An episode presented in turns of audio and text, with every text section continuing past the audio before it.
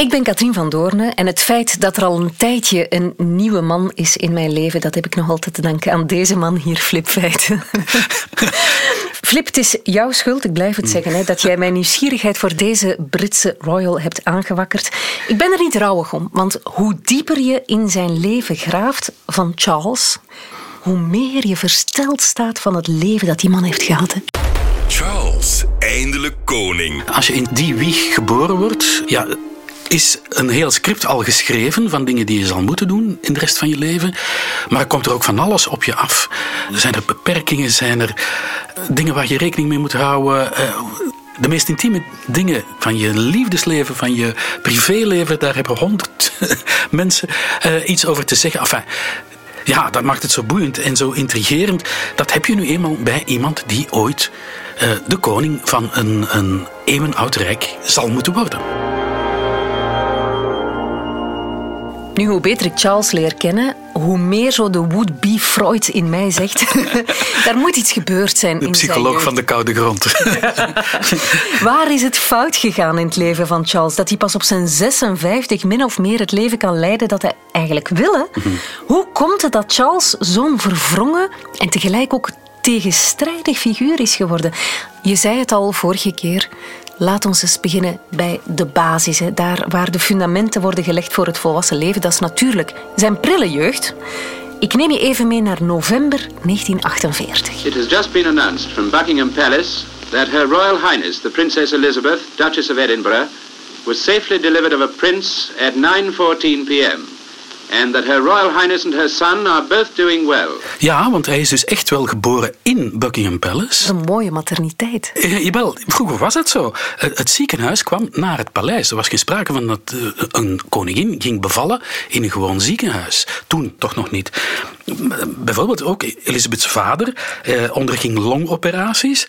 Wel, daarvoor werd in Buckingham Palace een, een complete operatiekamer ingericht, tijdelijk. Ja, Charles is geboren in de Bull Room van Buckingham Palace. En tussen haakjes, zijn twee jongere broers, Andrew en Edward, zijn geboren in de Belgian Suite van Buckingham Palace. Ja. Maar enfin, Charles' geboorte komt drie jaar na het einde van de Tweede Wereldoorlog. Ja, en voor het Verenigd Koninkrijk dat was toen, ehm, dat land lag voor een stuk in puin. De, de, de levensomstandigheden waren verschrikkelijk. Uh, eten was op de bond, kleding was op de bond. Het was allemaal een beetje grijs. En, en, maar ja, dat nieuws, een jonge prins die geboren wordt, een kroonprins. Dat was natuurlijk fantastisch. Dat was vreugde die door het hele land eh, ging. Je kon dat bijna tastbaar voelen. En het was meteen hè, een troonopvolger. En het was meteen een jongen. De mannelijke lijn was belangrijk voor de troonopvolging. In, uh, toen speelden meisjes nog niet mee. Alleen als er geen andere kinderen waren, uh, konden meisjes. In geval van nood mocht In, in geval van nood, ja. Maar toen, enfin, een jongen, een troonopvolger, een jonge moeder. Enfin, dat was fantastisch nieuws voor de, de Britse natie. Ik denk Katrien, dat er bij jouw geboorte geen 41 kanonschoten zijn gelost. Bij mij ook niet, maar bij Charles dus wel. Uh, eresaluut, kanonschoten, uh, overal te, landen. En de klokken van Westminster Abbey bijerden bepaald vrolijk. In Hyde Park, the King's Troop Royal Horse Artillery fired a salute to the infant prince.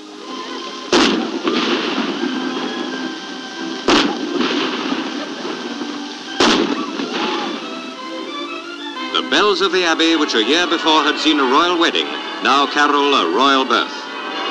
Iedereen blij natuurlijk, zeker ook de ouders. In wat voor een soort gezin kwam die kleine kroonprins eigenlijk terecht? Ja, ik zou kunnen zeggen, zijn vader was een marineofficier, maar hij was natuurlijk ook de hertog van Edinburgh. Eh, zijn moeder was, zou ik kunnen zeggen, een naval officer's wife. Maar ze was ook wel de kroonprinses. En zijn grootvader van die nieuwe boring, dat was een koning. Dat was George VI. Maar diens gezondheid was heel, heel slecht. Hij had longkanker. Eh, vandaar die operaties trouwens, waar ik het daarnet over had.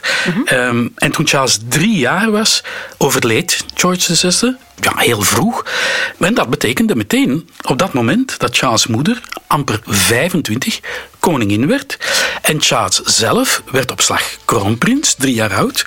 Wat hij toen nog niet wist, was dat hij de allerlangst wachtende kroonprins ooit ter wereld zou worden. Hij heeft het absolute wereldrecord wachten op de troon. Ehm, en tussen haakjes, dat moet ik er ook bij vertellen, het kleine prinsje Charles had protocolair eigenlijk een hogere rang dan zijn eigen vader. Want Charles was een prins.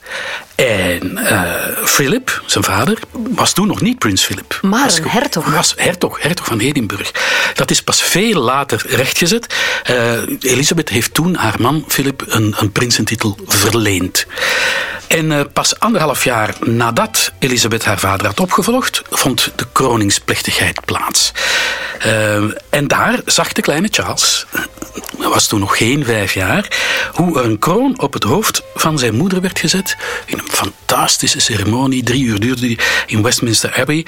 Maar de kleine jongen was meer bezig met de brillantine die de kapper in zijn haar had gedaan. Want dat was te veel, dat was te vettig en dat rook raar. Dat is het eigenlijk het enige, heeft hij achteraf verteld, wat hem nog bijstaat van die fantastische plechtigheid, uh, waarin zijn moeder dus als uh, koningin gekroond wordt. Nu, veel indruk maakte dat allemaal niet op die kleine Charles. Uh, toen iedereen na die drie uur durende koningsplechtigheid terug was op Buckingham Palace, begon hij gewoon te spelen en heen en weer te rennen onder die grote sleep van zijn moeder. Ze moesten hem daar onderuit plukken.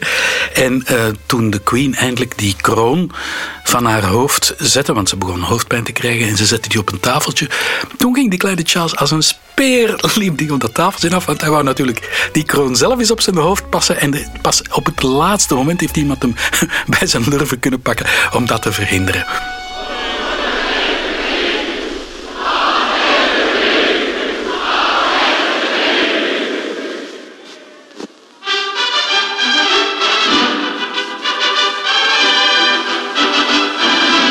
Zijn dus beelden van te vinden hè, uit 1953. Och, Garme, dat klein Dutske, dat zit daar aan de zijkant. Je ziet duidelijk dat hij geen flauw benul heeft van wat er aan het gebeuren is. Laat staan, Flip, van wat hem te wachten staat. Hè. Ja, precies. Ja, als ik het zo allemaal hoor, dan wordt dat daar echt wel multitasken. Hè. In het gezin Mountbatten-Windsor. Op tien jaar tijd komen er ook nog eens vier kinderen. Charles en Anne waren er al. Maar er komt dan nog eens twee zonen bij. Andrew en Edward. Ja, en, de Queen moest in het begin, 25 jaar, had geen enkele ervaring. Uh, die staatszaken, uh, dat was allemaal ontzettend moeilijk. Die taken zich eigen maken, zich staande houden in een maatschappij tussen politici die allemaal mannen waren. Hè. En die niet automatisch respect hadden voor een, een vrouw. Je, je, moet maar weten wat je mag doen, wat je niet moet doen, wat je wel moet doen. Want dat ligt allemaal heel gevoelig. Hè? Een, een, staatshoofd mag absoluut geen, of een koningin, mag absoluut geen, geen politieke daden stellen. En voor je het weet heb je dat gedaan. Dus. Eh, dat combineren allemaal met, met kinderen krijgen, inderdaad, dat was allemaal niet zo simpel hoor. De Queen deed eigenlijk zelf wat ja, gangbaar was toen ze zelf een kind was.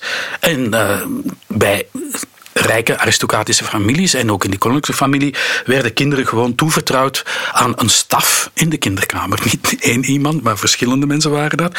Uh, en die nannies, ja, die kleden de kinderen op voor twee ontmoetingsmomenten per dag. Bij het ontbijt en voor het avondmaal. En, en de rest leefden de kinderen in de nursery, heette dat, de kinderkamer.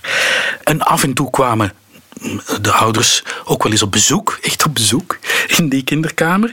Of speelden ze spelletjes, dat deden ze wel. Eh, maar meestal eh, was dat fysiek allemaal heel afstandelijk. En, en bij de Queen was dat ook zo. En, en de Queen had bovendien dus haar koninklijke taken. Wat betekende dat ze ineens maandenlang op een wereldtour uh, ging om Commonwealth-landen te bezoeken. Als je hoort wat ze er allemaal onder haar hoede had. Precies. Of prins Philip, de vader, die had zijn taak bij de marine. Uh, die werd op den duur commandant van een oorlogsschip en dat lag aangemeerd in Malta. Dus de Queen, als een naval officer's wife, volgde haar man voor maanden. En dat was voor hen een fantastische periode, want dat was het jonge huwelijk. Ze waren op Malta, er was niet veel druk van buitenaf. Eh, de mensen behandelden haar toen gewoon. Maar het betekende wel dat die kinderen gewoon, die lieten ze achter. We kunnen ons dat nauwelijks voorstellen. Hè? Uh, voor maanden in, in Engeland. En die waren onder de hoede van die nannies. En voilà, dat was geregeld. Maar dat betekende dus ook dat als ze ziek waren, of als ze s'nachts wakker werden, of bij hun verjaardag, of ehm, met kerstmis, ja, dan waren het de nannies die de kinderen opvingen. Niet de ouders. Wel, wel de grootmoeder, de queen mom. Die was er wel. Maar de eigen ouders niet. En er zijn bijvoorbeeld beelden, eh, Katrien, dat is echt hartverscheurend, waarop Elisabeth en Philip in Engeland aankomen na maandenlange afwezigheid. En de kinderen herkennen hen aanvankelijk niet. Je ziet Charles de verkeerde kant uitkijken. En dan geven die ouders, stel je voor, hun kinderen een hand. Oh nee. Peutertjes van, van vier, vijf jaar. Een dikke knuffel kon er niet vanaf. Nee, of als je, zie je de beelden nog van Diana? Die haar zonen, na, na niet eens veertien dagen, of, eh, die vliegen elkaar in de armen. Maar het contrast met, met de Queen en Prins Philip kon niet groter zijn. Trouwens, ook later, als tiener, moest Charles een afspraak maken om zijn ouders te zien, om met zijn ouders te kunnen spreken. Ja, ja. En, en, en ook bijvoorbeeld uh, conversaties tussen prins Philip en zijn zoon Charles, die verliepen per brief. Ja.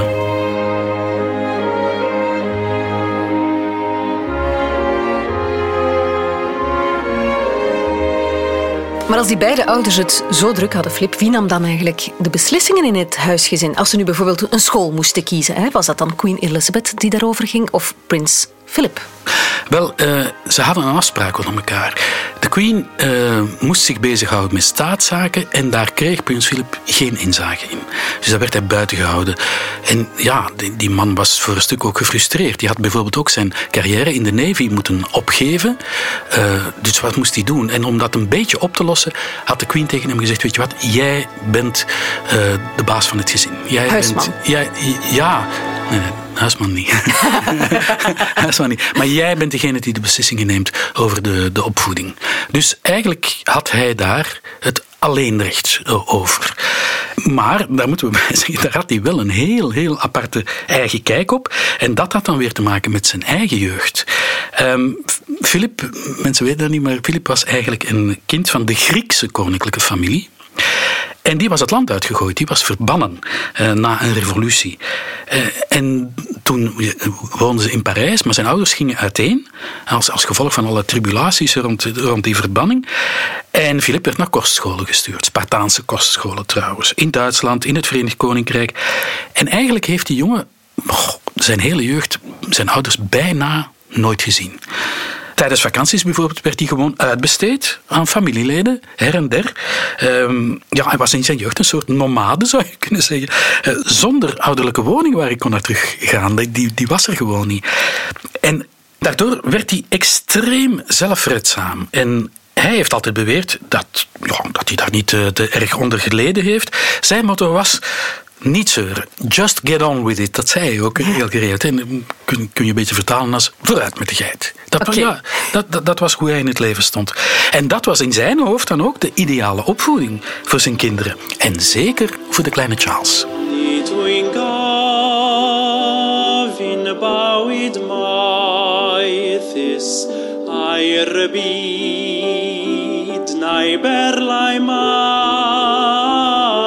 Maar wat wil het geval nu? Charles was eigenlijk een heel gevoelig jongetje, heel onzeker, dat makkelijk weende.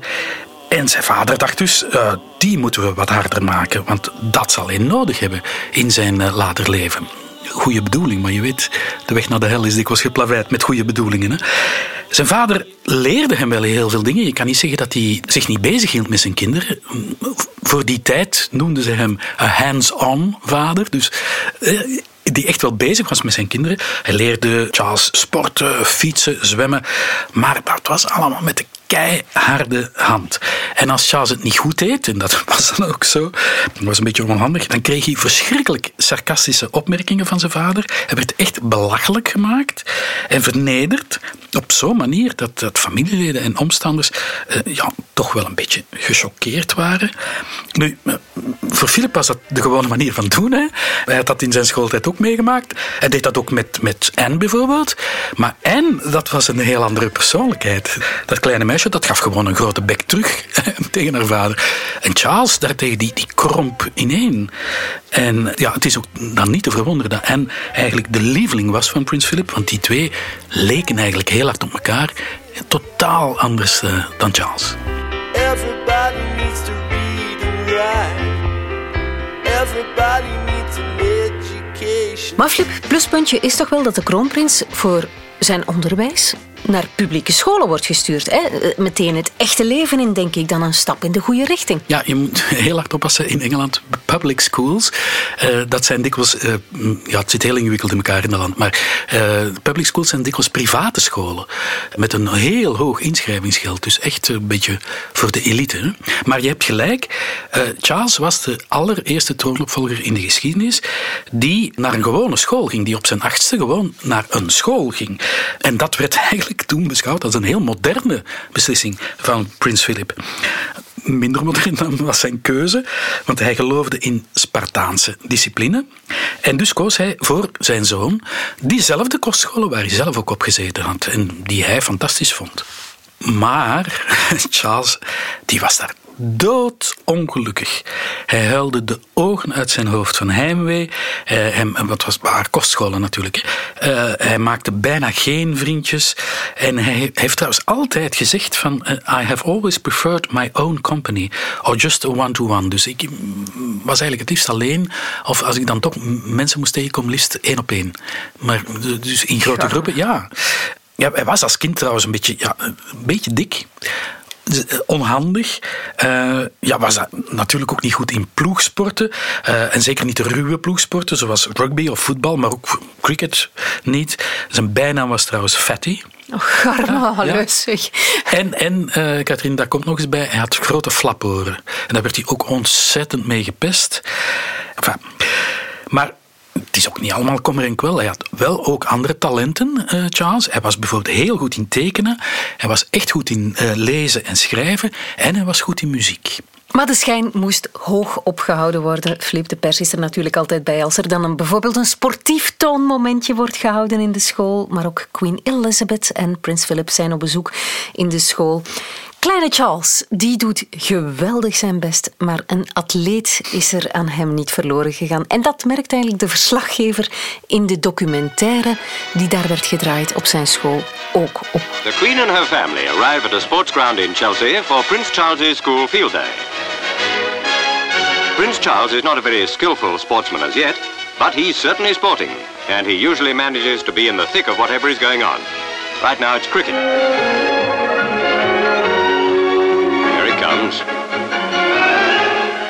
But he doesn't miss all the time by any means. A lot of the strokes wouldn't be found in wisdom, but it's results that count, and he knocks up a couple of useful falls. Ja, zijn schooltijd dat was echt verschrikkelijk moeilijk voor die jongen. En op een bepaald moment eh, trouwens mocht hij met klasgenoten naar de tv kijken. En tv dat was toen nog een enorme grote nieuwigheid. Hè, wat ook al iets zegt over de, de kwaliteit van die scholen. En hij mocht kijken naar de slotceremonie van de Commonwealth Games. Dat is zo'n soort mini-versie van de Olympische Spelen tussen de Commonwealth-landen. En die eh, vonden plaats in Cardiff in Wales. En plots hoort hij eh, dat zijn moeder eh, bij die slotceremonie iets, eh, ja, zijn naam noemt. En wat doet ze? Ze verleent hem de titel Prince of Wales. Niemand, ook zijn ouders niet, hadden hem vooraf ingelicht dat dat zou gebeuren. Hij valt dus compleet uit de lucht. En die, die arme Charles die schaamt zich kapot tegenover zijn schoolgenoten, want hij probeert juist uit alle macht om niet op te vallen tussen zijn medeleerlingen, uit vrees om nog meer gepest en geplaagd te worden.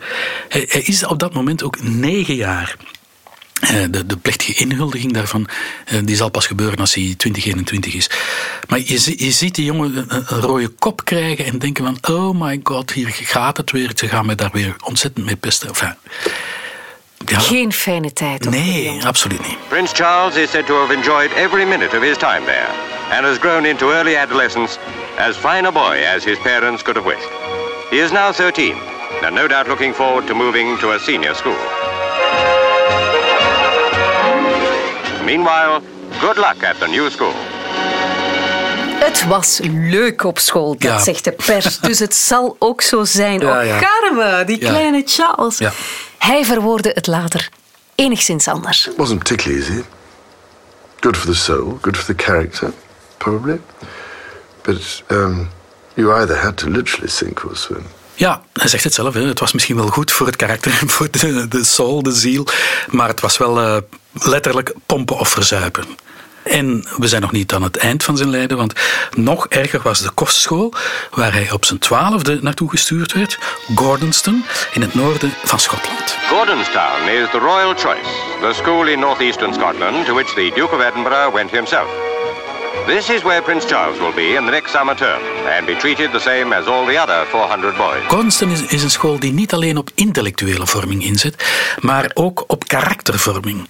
Aan de grondslag eh, daarvan lag een progressieve Joodse pedagoog, Kurt Haan, die een, een school in Duitsland eerst heeft opgericht. Schule Schloss Salem heette die school. En eh, prins Philip, dus de vader van eh, Charles, is daar naartoe gegaan. Maar toen eh, Hitler aan de macht kwam in Duitsland, moest Haan vluchten. En dan is hij naar het Verenigd Koninkrijk gevlucht. En dan heeft hij eenzelfde soort school opgericht in Schotland. En dat was dan Gordonston. Het motto van de school is plus et en vous. ja? Maar in de praktijk betekende dat toen een, ja, een keihard regime. Beetje militair ook. Ja, ja, Drill. Ja, slapen met open vensters, ook in de winter. De, de, de leerlingen die bij het raam sliepen, die werden wakker met sneeuw op hun lakens. Dat, was eh, gewoon. S morgens allereerst een koude douche, eh, een fysieke training voor het ontbijt. Ja, en Charles werd daar vanaf, echt letterlijk, vanaf de allereerste dag gepest. En zwaar gepest. Eh, zijn kameroverste, want dat was zo'n systeem van eh 15-jarigen die kameroverste werden. Ja, dat was eigenlijk, hebben schoolgenoten van Charles later gezegd, een beetje een sadist. En die zat voortdurend eh, eh, op de kop van Charles. Charles snurkte bijvoorbeeld, s'nachts, en werd dan bekogeld door zijn eh, slaapkamergenoten. En, en die bleven dat dan doen, ook als hij niet snurkte. Hij, hij, sliep te weinig. De brieven die hij schreef naar zijn grootmoeder, zo, echt hartverscheurend uit die tijd. En, en ook... Ook hier weer heel moeilijk om vrienden te maken, want iedereen die probeerde om ja, een beetje vriendelijk tegen hem eh, te zijn, die kreeg van alle andere leerlingen zo slurpgeluiden te horen. En, en dat was eh, van, ah, je, je probeert je to suck up to, eh, Och, ja, nee. to Charles. Hè. Je, je probeert je om, om vriend te maken. Dus dat werd eigenlijk bijna verhinderd dat hij vrienden kon maken.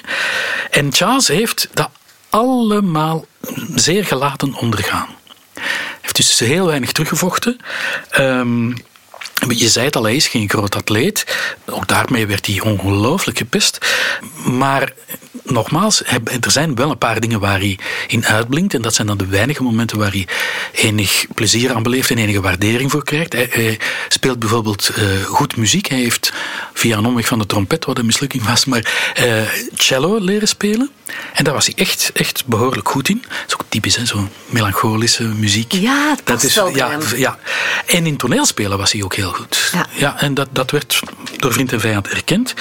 En eh, uiteindelijk zal hij ook een van de headboys worden. Dus hij zal ook een verantwoordelijkheid krijgen. En eh, dat krijg je niet zomaar. Dus hij moet het wel goed gedaan hebben, maar het is allemaal met heel veel moeite bevochten. En als hij dan is... Hè, een, een beetje kan shinen omdat hij op toneel staat en hij speelt Macbeth. En zijn ouders komen kijken, wat gebeurt er dan? Prins Philip zit achter in de zaal, zijn vader, en die barst in lachen uit bij een Oei, scène. bij zo'n tragische... Bij een tragische eh, scène. En, en eh, ja, Charles denkt van, allee, hoe, hoe, hoe moet ik nu de waardering van mijn... Allee, hoe moet ik het doen? Hij weet het niet meer. you would seem so frail in the cold when the armies of emotion go out to fight. Ja, als die ouders constant afwezig zijn, Flip, dan, dan kan het toch niet dat je een band hebt met je ouders. Hè? Was er dan niemand... Oh, mijn hart breekt als ik het zeg. Waar, waar hij als, als tiener terecht kon met zijn kleine verdrietjes, met zijn emoties? Ja, ja, gelukkig wel. Er waren twee eh, heel belangrijke personen in zijn leven. Je zou eigenlijk kunnen zeggen vervangouders. Ehm, de eerste was de Queen Mum, de, eh, de moeder van eh, koningin Elisabeth. En, en ja, daar kreeg hij wel de knuffels van. Dus die pakte hem in, in haar armen, wat toen hij klein was, eh, althans toch zeker. En, en die gaf hem aandacht. En die nam hem ook mee naar het theater en naar het ballet en naar de opera. Er ging een wereld voor hem open. En, en van bij zijn allereerste voorstelling in een, in een theater zei hij: I was hooked for life. Hij was verkocht voor de rest van zijn leven. En het contrast met zijn, zijn eigen familieleven in, in zijn gezin kon niet groter zijn, want op Buckingham Palace, ik denk niet dat daar ooit een, een, een radio op een klassieke zender ooit heeft gestaan of klassieke muziek. De Queen, het is eigenlijk een, een hele rare paradox, maar is een van de grootste eigenaars van een kunstschattencollectie uh, ter wereld. Maar eigenlijk heeft hij nauwelijks belangstelling. Kijk er Nee, uh, en, en uh, Charles wel. Uh, en, en, dat heeft hij aan, aan zijn grootmoeder te danken. Dus dat, dat was een heel belangrijke figuur in zijn leven. En de tweede figuur is Earl Mountbatten. Uh, Mountbatten is een oom van prins Philip, dus eigenlijk een grootoom van uh, prins Charles. Maar die heeft zich van bij het begin ontfermd over die jongen. En, en die had echt belangstelling voor hem. En die gaf hem ook complimenten en die steunde hem en die gaf hem advies. Uh, enfin, die, die, deed alles wat zijn vader nooit deed. Eigenlijk was dat een surrogaatvader voor, voor Charles. Die twee figuren waren heel belangrijk.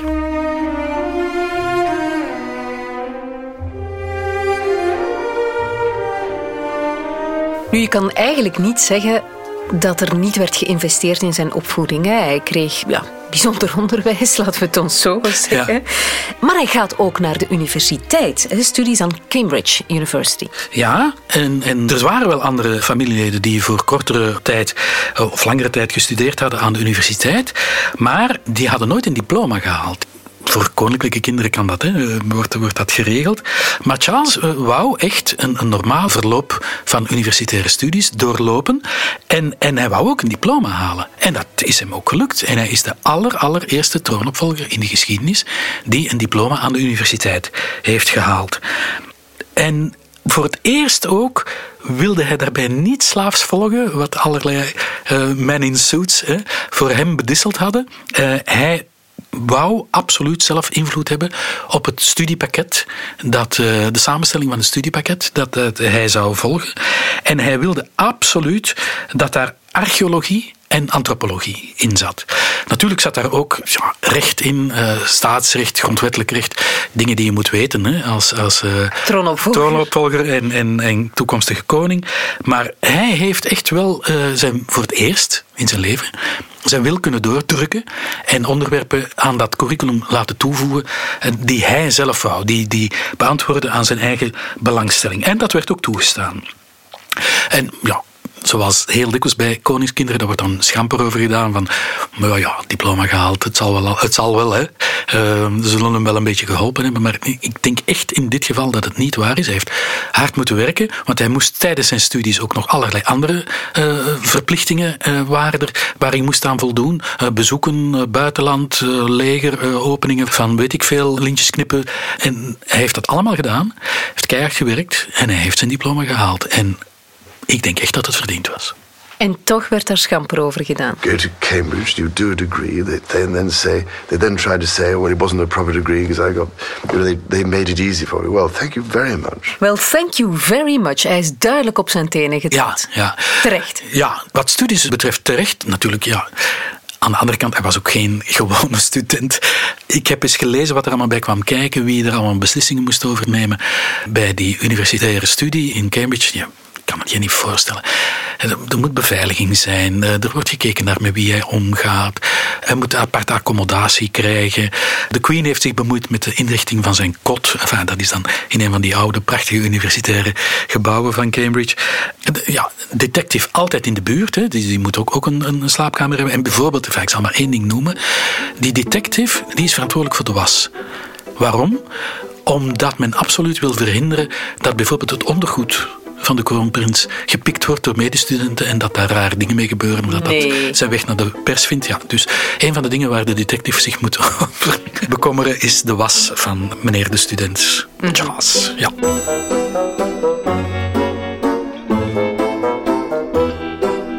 Zei al dat hè, die, die studietijd voor van alles onderbroken werd, maar ook, en uh, je moet het toch allemaal maar doen, hij moest een trimester, enfin, negen weken was dat, uh, moest hij naar Wales, naar de Universiteit van Wales. Charles is prins van Wales. En uh, ja, dat was een beetje eigenlijk niet zozeer om zijn studiepakket te vervolledigen, maar een politieke reden. Hij was prins van Wales en de prins van Wales moest minstens Welsh leren dus, en, en de Welsche cultuur leren. Dus moest hij uh, ineens zijn studie onderbreken in zijn tweede jaar. En dan ging hij naar de Universiteit van Wales in Aberystwyth. Wat goed, Flip. We kunnen nog eens een eigen hymne spelen. God save the Prince of Wales.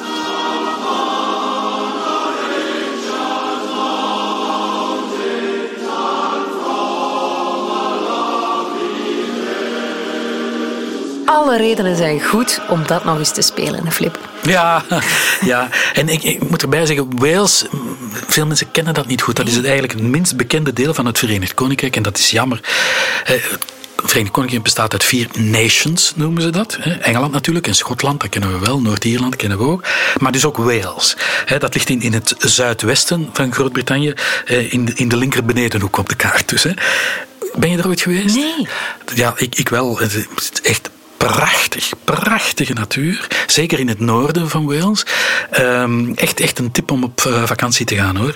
Eh, en, en, vooral, ja, Wales heeft een heel eigenaardige taal. Dat Welsh dus. Het is eigenlijk een Keltische taal. Het wordt een beetje zangerig uitgesproken. Het doet een beetje denken wat dat betreft aan Limburgs. Ja, er zit Ze hebben een rollende R. Ja. Heel bijzonder. Ja, een rollende R. Maar ook, ook uh, ja, je hebt geen enkel, maar echt letterlijk geen enkel aanknopingspunt met een andere taal. Dus het is ook heel moeilijk uh, qua uitspraak. Als ik zeg uh, Croiso Icumri, wat heb ik dan gezegd? Geen idee. Welcome to Wales. Oh, dus dat is ook een woord die beginnen met een dubbele L. Ik ga proberen om het goed uit te spreken. Flangollen. Je moet de, tong tegen uh, je boventanden en dan moet je uitademen. Llangollen is een stad in Wales. Penrhyn Draait is ook een stad in Wales. Ja, eh, nochtans, enfin, er zijn Welshmen die eh, goed gekend zijn. Bijvoorbeeld de zanger Tom Jones. Ja. Uh, Anthony Hopkins, de acteur, is een Welshman. Okay. De wielrenners kennen Geraint Thomas, is ook een Welshman. Maar voor de rest, ja, Wales onbekend, onbemind, maar uh, ten onrechte hoor. absoluut uh, een, aanrader. Maar dus de, de arme Charles moest naar Wales, vooral om politieke redenen, een, een stoomcursus Welsche taal en cultuur gaan volgen in Aberystwyth. En ik kan jou verzekeren, dat is niet simpel. Ik heb het geprobeerd ooit. ik ben echt niet ver geraakt. En hij kwam dan ook nog eens terecht in een heel vijandige sfeer. Want er waren in die tijd, toen hij daar studeerde, uh, radicale Welsche nationalisten. Dat was marginaal, maar er was, was wel een, een, stroming om het, eh, het Welsche nationalisme meer kracht te geven. Ja, onafhankelijker te maken van, van uh, Engeland.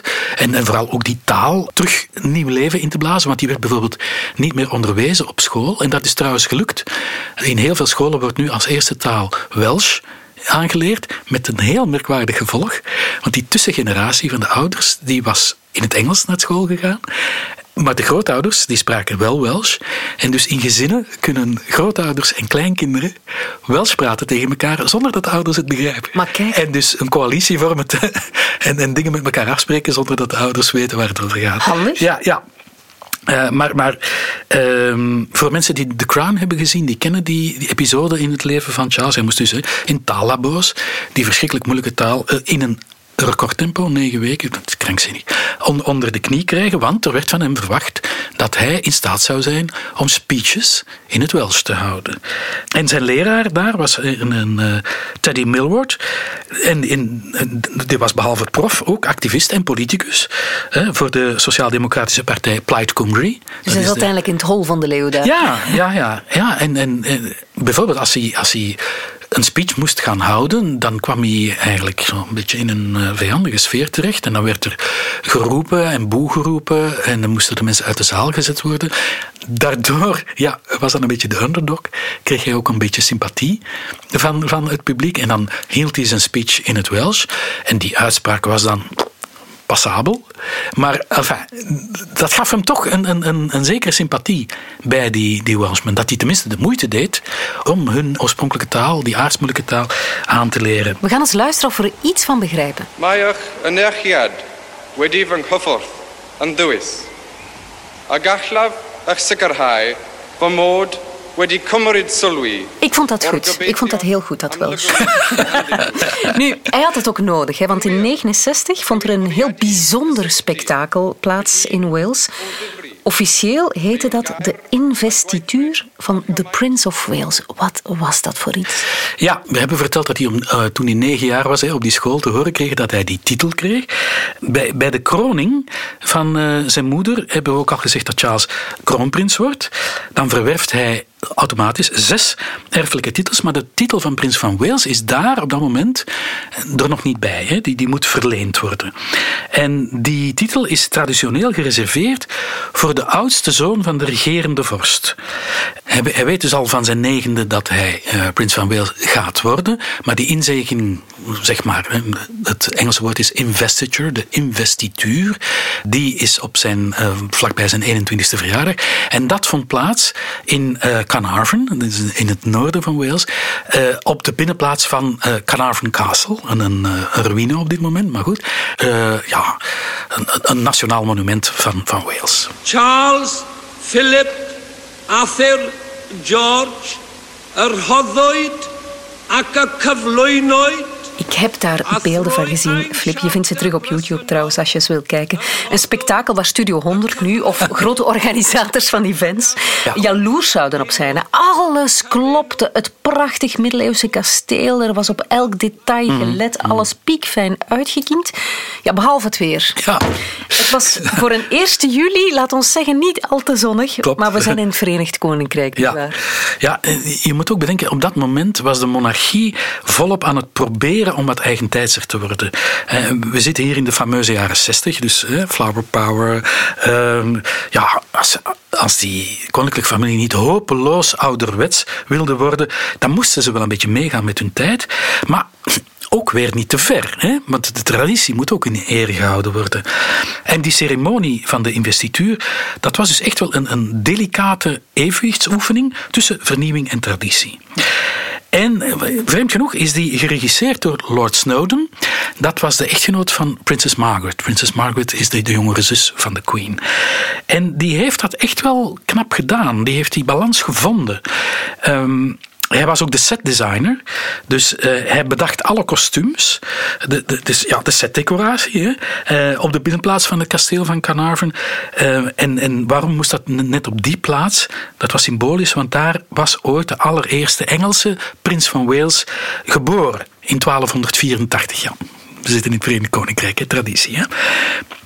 Charles krijgt tijdens die plechtigheid een ring om zijn vinger, een kroon op zijn hoofd, een heel speciale. Als je ze nu bekijkt, dan denk je wel echt jaren zestig, maar uh, half modern, half ja. En, maar, maar die kroon is gemaakt speciaal voor die plechtigheid. Uh, en, en een scepter en een hermelijnen mantel, niet met sleep, maar enfin, toch een, uh, een hermelijnen mantel. En ja, het meest ontroerende moment uh, daarbij uh, is wanneer Charles zijn handen in die van zijn moeder legt en een middeleeuwse eetformule uitspreekt. I, Charles, Prince of Wales, do become your liege man of life and limb, and of earthly worship. And faith and truth I will bear unto thee, to live and die against all manner of folks. Letterlijk vertaald is dat ik word uw leenman, uw vazal van uh, lijf en leden. Ik beloof u eerbied en trouw en eerlijkheid op leven en dood tegen alle soorten volkeren. De, trouwens, een, eenzelfde formule heeft prins Philip ook uitgesproken tijdens de kroning van Elisabeth. Ja. Maar jouw liege man of uh, life and limb is mooi, hè? En hij gaf geen kick, hè? Nee.